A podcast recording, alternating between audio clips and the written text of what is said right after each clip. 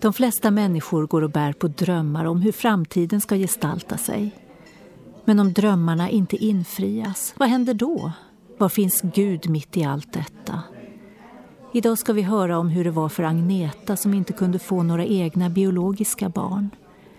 Välkommen till Hannas Café. Jag heter Stina Backlund.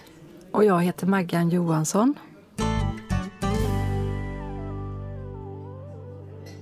Att någon gång få bli mamma anses nog av de flesta som något självklart. Något som ingår i framtidsplanerna för livet. När du säger framtidsplaner så tänker jag på hur det kan vara för alla kvinnor som inte kan få några egna barn. När inte livet blir som man hade tänkt sig. Det till synes självklara blir då inte så självklart. Ja, för många är det nog en sorg som måste bearbetas många gånger om under livet. Jag tänker på när alla andra börjar få barn, men också senare då vännerna börjar få barnbarn. Att sörja ett barn som aldrig blev till är svårt. Det blir ju en annorlunda sorg eftersom det är en sorg efter någon som inte har funnits. Det finns så många olika sätt att hantera besvikelse på i livet. Efter musiken ska du få höra hur det var för Agneta och hur hon kunde gå vidare med sitt liv. Men först lyssnar vi till He knows my name med Tubbs.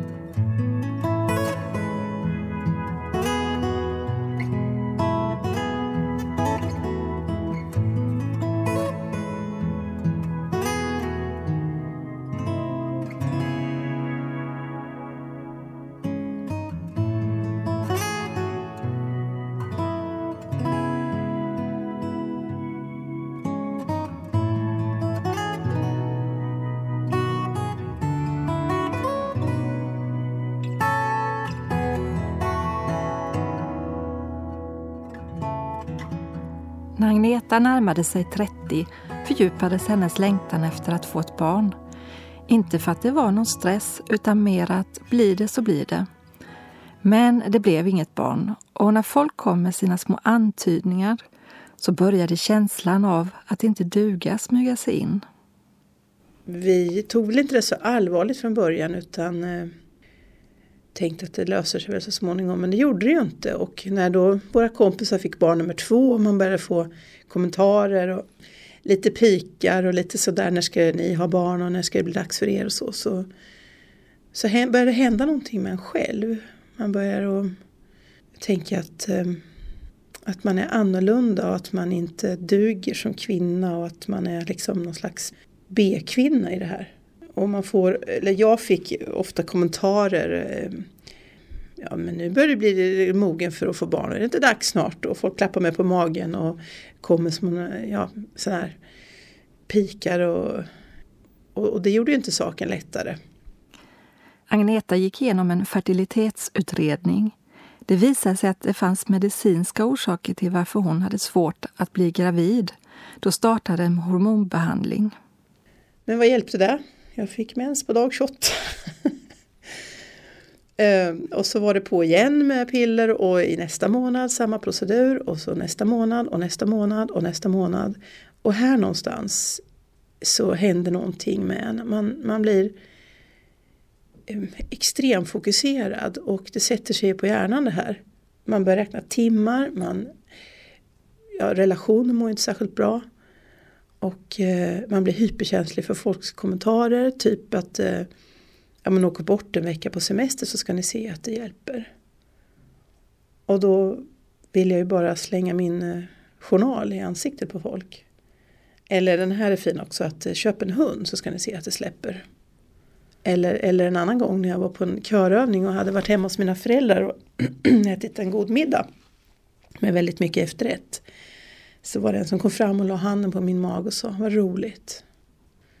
Och då sa jag att äppelkaka och vaniljsås. Så att eh, det värsta kanske egentligen inte var, jo det är klart att det var det värsta var att inte få barn. Men det värsta var att möta så mycket okunskap och oförståelse och tanklöshet hos människor. Och istället för att våga ställa en fråga rakt ut, att hur är det egentligen, så var det så mycket påståenden. Det var svårt att höra alla välmenande kommentarer om vad som borde göras.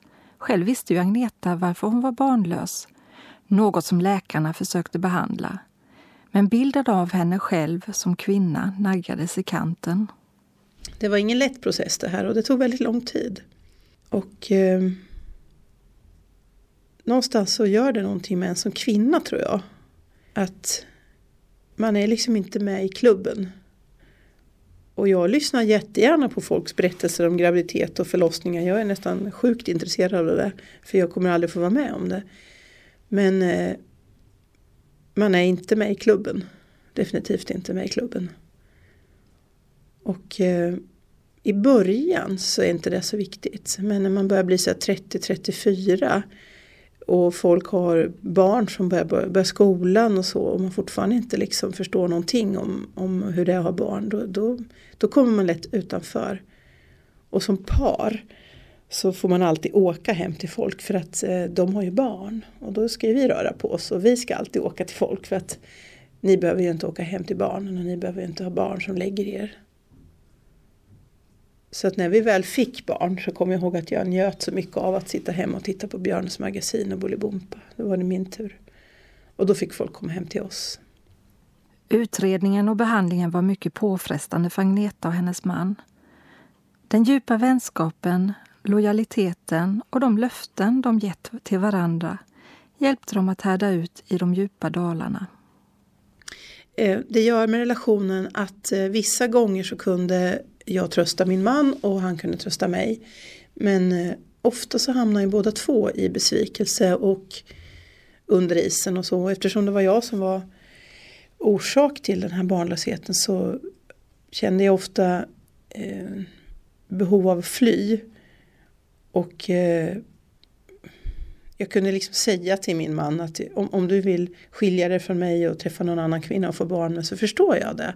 Men samtidigt var jag livrädd att han skulle göra det. Men jag kunde liksom inte tvinga honom att vara kvar och, och så. Men eh, så att det, det sliter väldigt, väldigt mycket på relationerna just att eh, det som är det naturliga och så ska vara någonting positivt blir bara, bara en press. Det blir bara jobbigt och läskigt och inte intressant för fem öre. Och man ser varandra på, på ett sätt som är,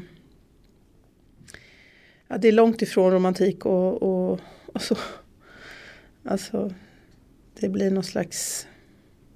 Nej, det gjorde jättemycket med vår relation. Och det, det tog jättelång tid och, och, och eller jag undrar om man någonsin kanske kan se varandra med, med de första ögonen på något sätt. För att det här är så djupt, djupt ingripande i bilden av en eh, fin relation. Så det har varit jättetufft. Och eh, hade vi inte haft vår djupa vänskap för varandra och vår lojalitet för varandra så tror jag inte att vi hade fixat det. Hur ska vännerna i den närmaste omgivningen förhålla sig till någon som har drabbats av ofrivillig barnlöshet? Det är ju det att eh, man både vill prata om det och inte prata om det det, det finns en skam i det här. Konstigt nog eftersom det är totalt ofrivilligt. Ehm, men eh, det, det viktigaste är, tror jag att ens vänner vågar fråga och vågar lyssna och vågar vara besviken tillsammans med en och, och vågar ta med sina barn, inte gömmer undan sina egna barn eller sin egen glädje och sin egen, sina egna graviditeter utan delar det. Men ändå kanske i respekt.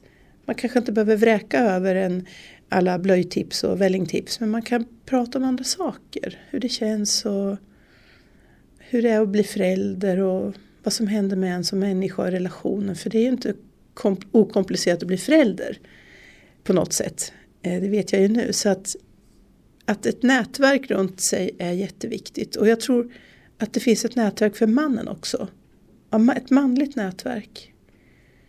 Eh, för att jag tror någonstans att vi kvinnor kanske lättare pratar om de här frågorna men för mannen är det lite mer kanske det är inte så självklart kanske att prata om barnlöshet män emellan. Så det tror jag är viktigt.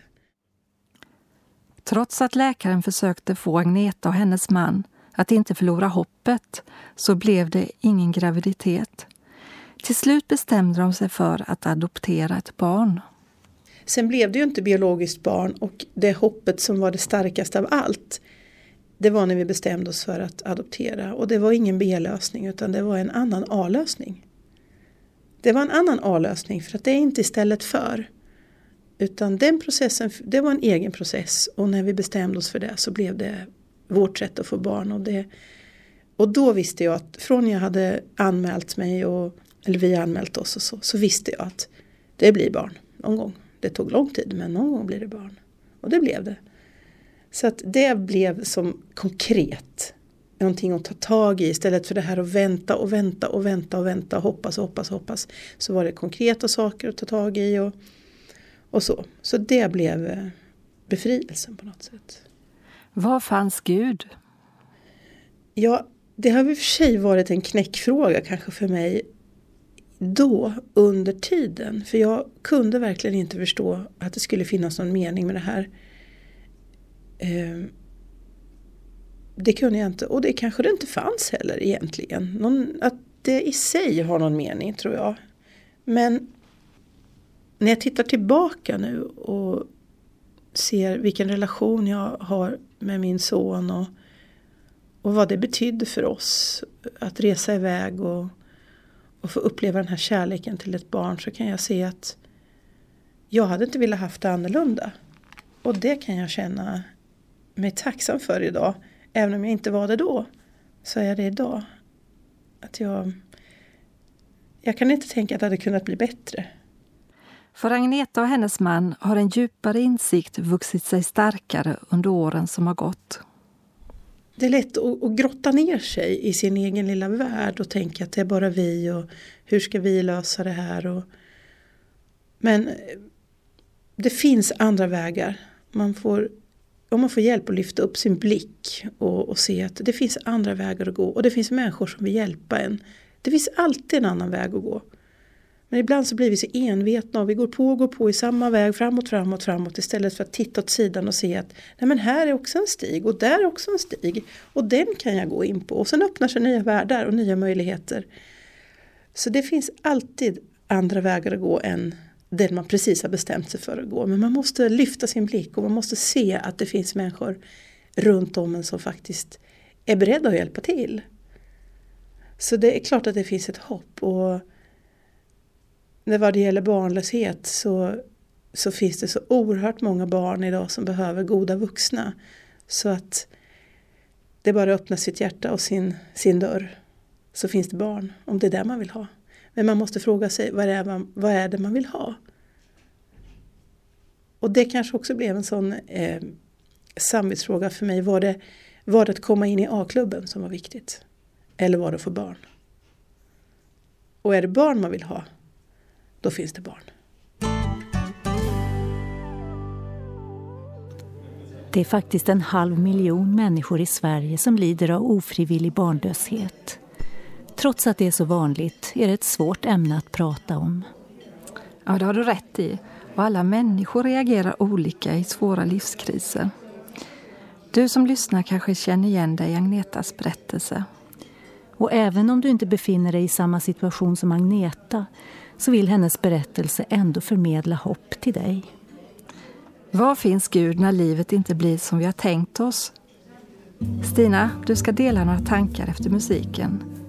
Nu lyssnar vi till Släpp mig aldrig Herre med Maria Gustin Bergström.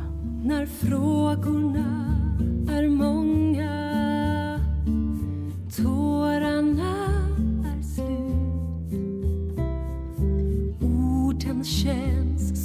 trånga. Det är svårt att hitta ut. Det skriker i mitt hjärta. Alla tankar irrar runt. Var finns du i all min smärta? Alla tröst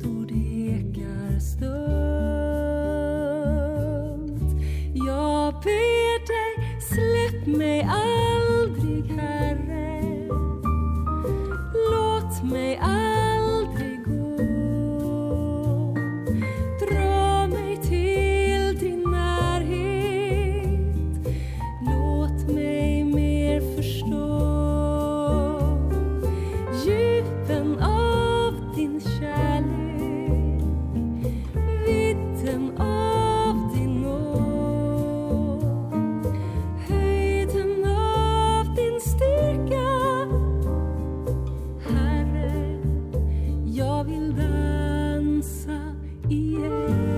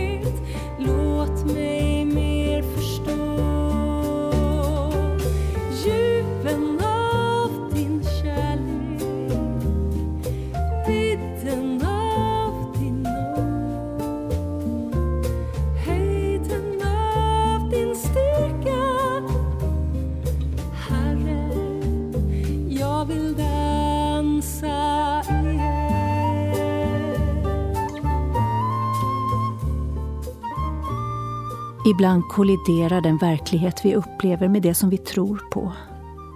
Var finns Gud mitt i allt detta? Varför svarar han inte när jag ber? När vi inte får svar och våra drömmar krossas är det naturligt att känna sig besviken. Även om man har en tro på Gud så får man kämpa med känslor av besvikelse när livet inte blir som man har tänkt sig. Varför tycks det gå som på räls för vissa människor? Men jag då? Har Gud glömt mig? Du kanske tycker att du har gjort många uppoffringar i livet och nu får det vara nog. Agneta kämpade under många år med sin barnlöshet. Under tiden var det svårt att ta till sig alla människors välmenande råd och hon undrade var Gud fanns mitt i allt detta. Det blev aldrig några egna biologiska barn men de fick ett barn som behövde en mamma och en pappa. Jag tycker det är så fint när Agneta säger att adoptionen inte var någon B-lösning utan det var en annan A-lösning. Vi har en levande och personlig Gud som kan öppna möjligheter för dig, också där besvikelsen är stor och där det känns alldeles fastlåst. I en bibelkommentar står det så här. Vi kan alla råka ut för ofruktsamhet under perioder då inget utvecklas eller föds varken i vårt arbete, vår tjänst eller i våra relationer. Det är svårt att tro när vi känner oss odugliga. Men bön öppnar vägen för Gud att handla. Du har kanske ropat inför Gud och frågat varför. Det är kanske det enda ord du orkar formulera i ditt inre. Besvikelse är tungt att bära och den leder lätt till missmod. Och för mycket missmod kan leda till förtvivlan. I Bibelns bok Saltaren finns det gott om salmer med förtvivlade rop om hjälp. Lyssna till några verser ur psalm 31. Till dig, Herre, flyr jag. Låt mig aldrig komma på skam. Befria mig genom din rättfärdighet. Vänd ditt öra till mig, skynda till min räddning. Var en fast klippa för mig, en borg till min frälsning. Och lite senare i samma psalm. Jag hör många förtala mig, skräck råder runt omkring. De rådslår med varandra mot mig och smider planer för att ta mitt liv. Men jag förtröstar på dig, Herre. Jag säger, du är min Gud. Min tid står i dina händer.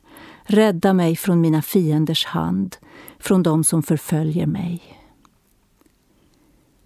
Gud vill faktiskt ha det som finns i vårt hjärta.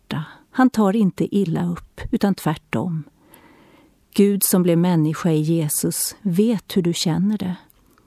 När du har tömt ut ditt hjärta inför honom så kan du fortsätta med att fråga Vad händer nu? På något sätt kommer han att svara på din fråga. Antingen genom en annan person, dina omständigheter eller när du läser Bibeln. Många gånger får vi vänta på svaret och det kan förstås vara fruktansvärt jobbigt. Men Jesus älskar oss och våra omständigheter är inte utanför hans kontroll.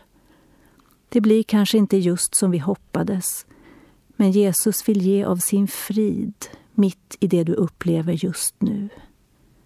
Så här säger han. Min frid ger jag er. Inte ger jag er en sån frid som världen ger. Låt inte era hjärtan oroas och var inte modlösa. Också under de tuffa omständigheterna ber Jesus oss att fortsätta att lita på honom och lita på hans karaktär, hans medkänsla, kärlek, vishet. När vi råkar ut för omständigheter som vi inte räknat med i livet, då är det viktigt att ha en fast grund att stå på. Den grunden är Jesus Kristus. Den enda sanna tryggheten finns i honom. Han vill bära dig genom livet och genom döden ända in i evigheten. Han står fast i sin kärlek och han intresserar sig för din väg genom livet. Agneta och hennes man adopterade ett barn och deras sorg vändes till glädje. Idag kan hon se att Gud fanns där. Jag är så oerhört glad för min pojke och vi har haft en, eh, en fantastisk eh, människa i vår, som blev en del av vår familj på ett alldeles naturligt sätt och som har gett oss så mycket kompensation för alla de tårar som vi fällde under fertilitetstiden har vi skrattat. Så att vi har fått så mycket kärlek och, och så mycket fantastiskt av honom. Så Jo, jag kan se nu när jag tittar bakåt att det var, det var nog meningen att det skulle bli den här pojken. Då vill jag be en bön tillsammans med dig. Jag tackar dig Jesus för att vi får komma till dig precis där vi befinner oss i livet. Tack för att du orkar och vill lyssna, också på vår ilska, frustration och förtvivlan. Nu ber jag för alla som har det tufft på olika sätt. Visa dem din kärlek, dina möjligheter och dina tankar för var och en. Amen.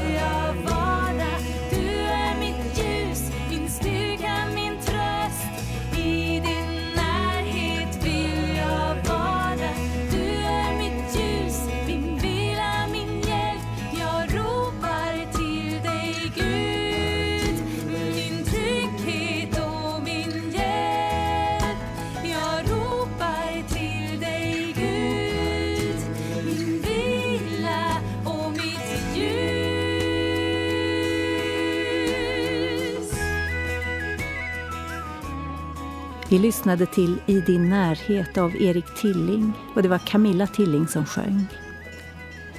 Programmet går mot sitt slut. Hör gärna av dig och dela tankar som du har fått under programmet. Adressen kommer snart. Var rädd om dig.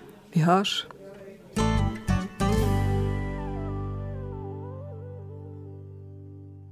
Hannas Café är producerat av Stina Backlund och Maggan Johansson för Norea Radio Sverige med adress Östergatan 20 262 31 i Ängelholm. Mailadress ph norearadio.se och webbadress www.hannascafé.se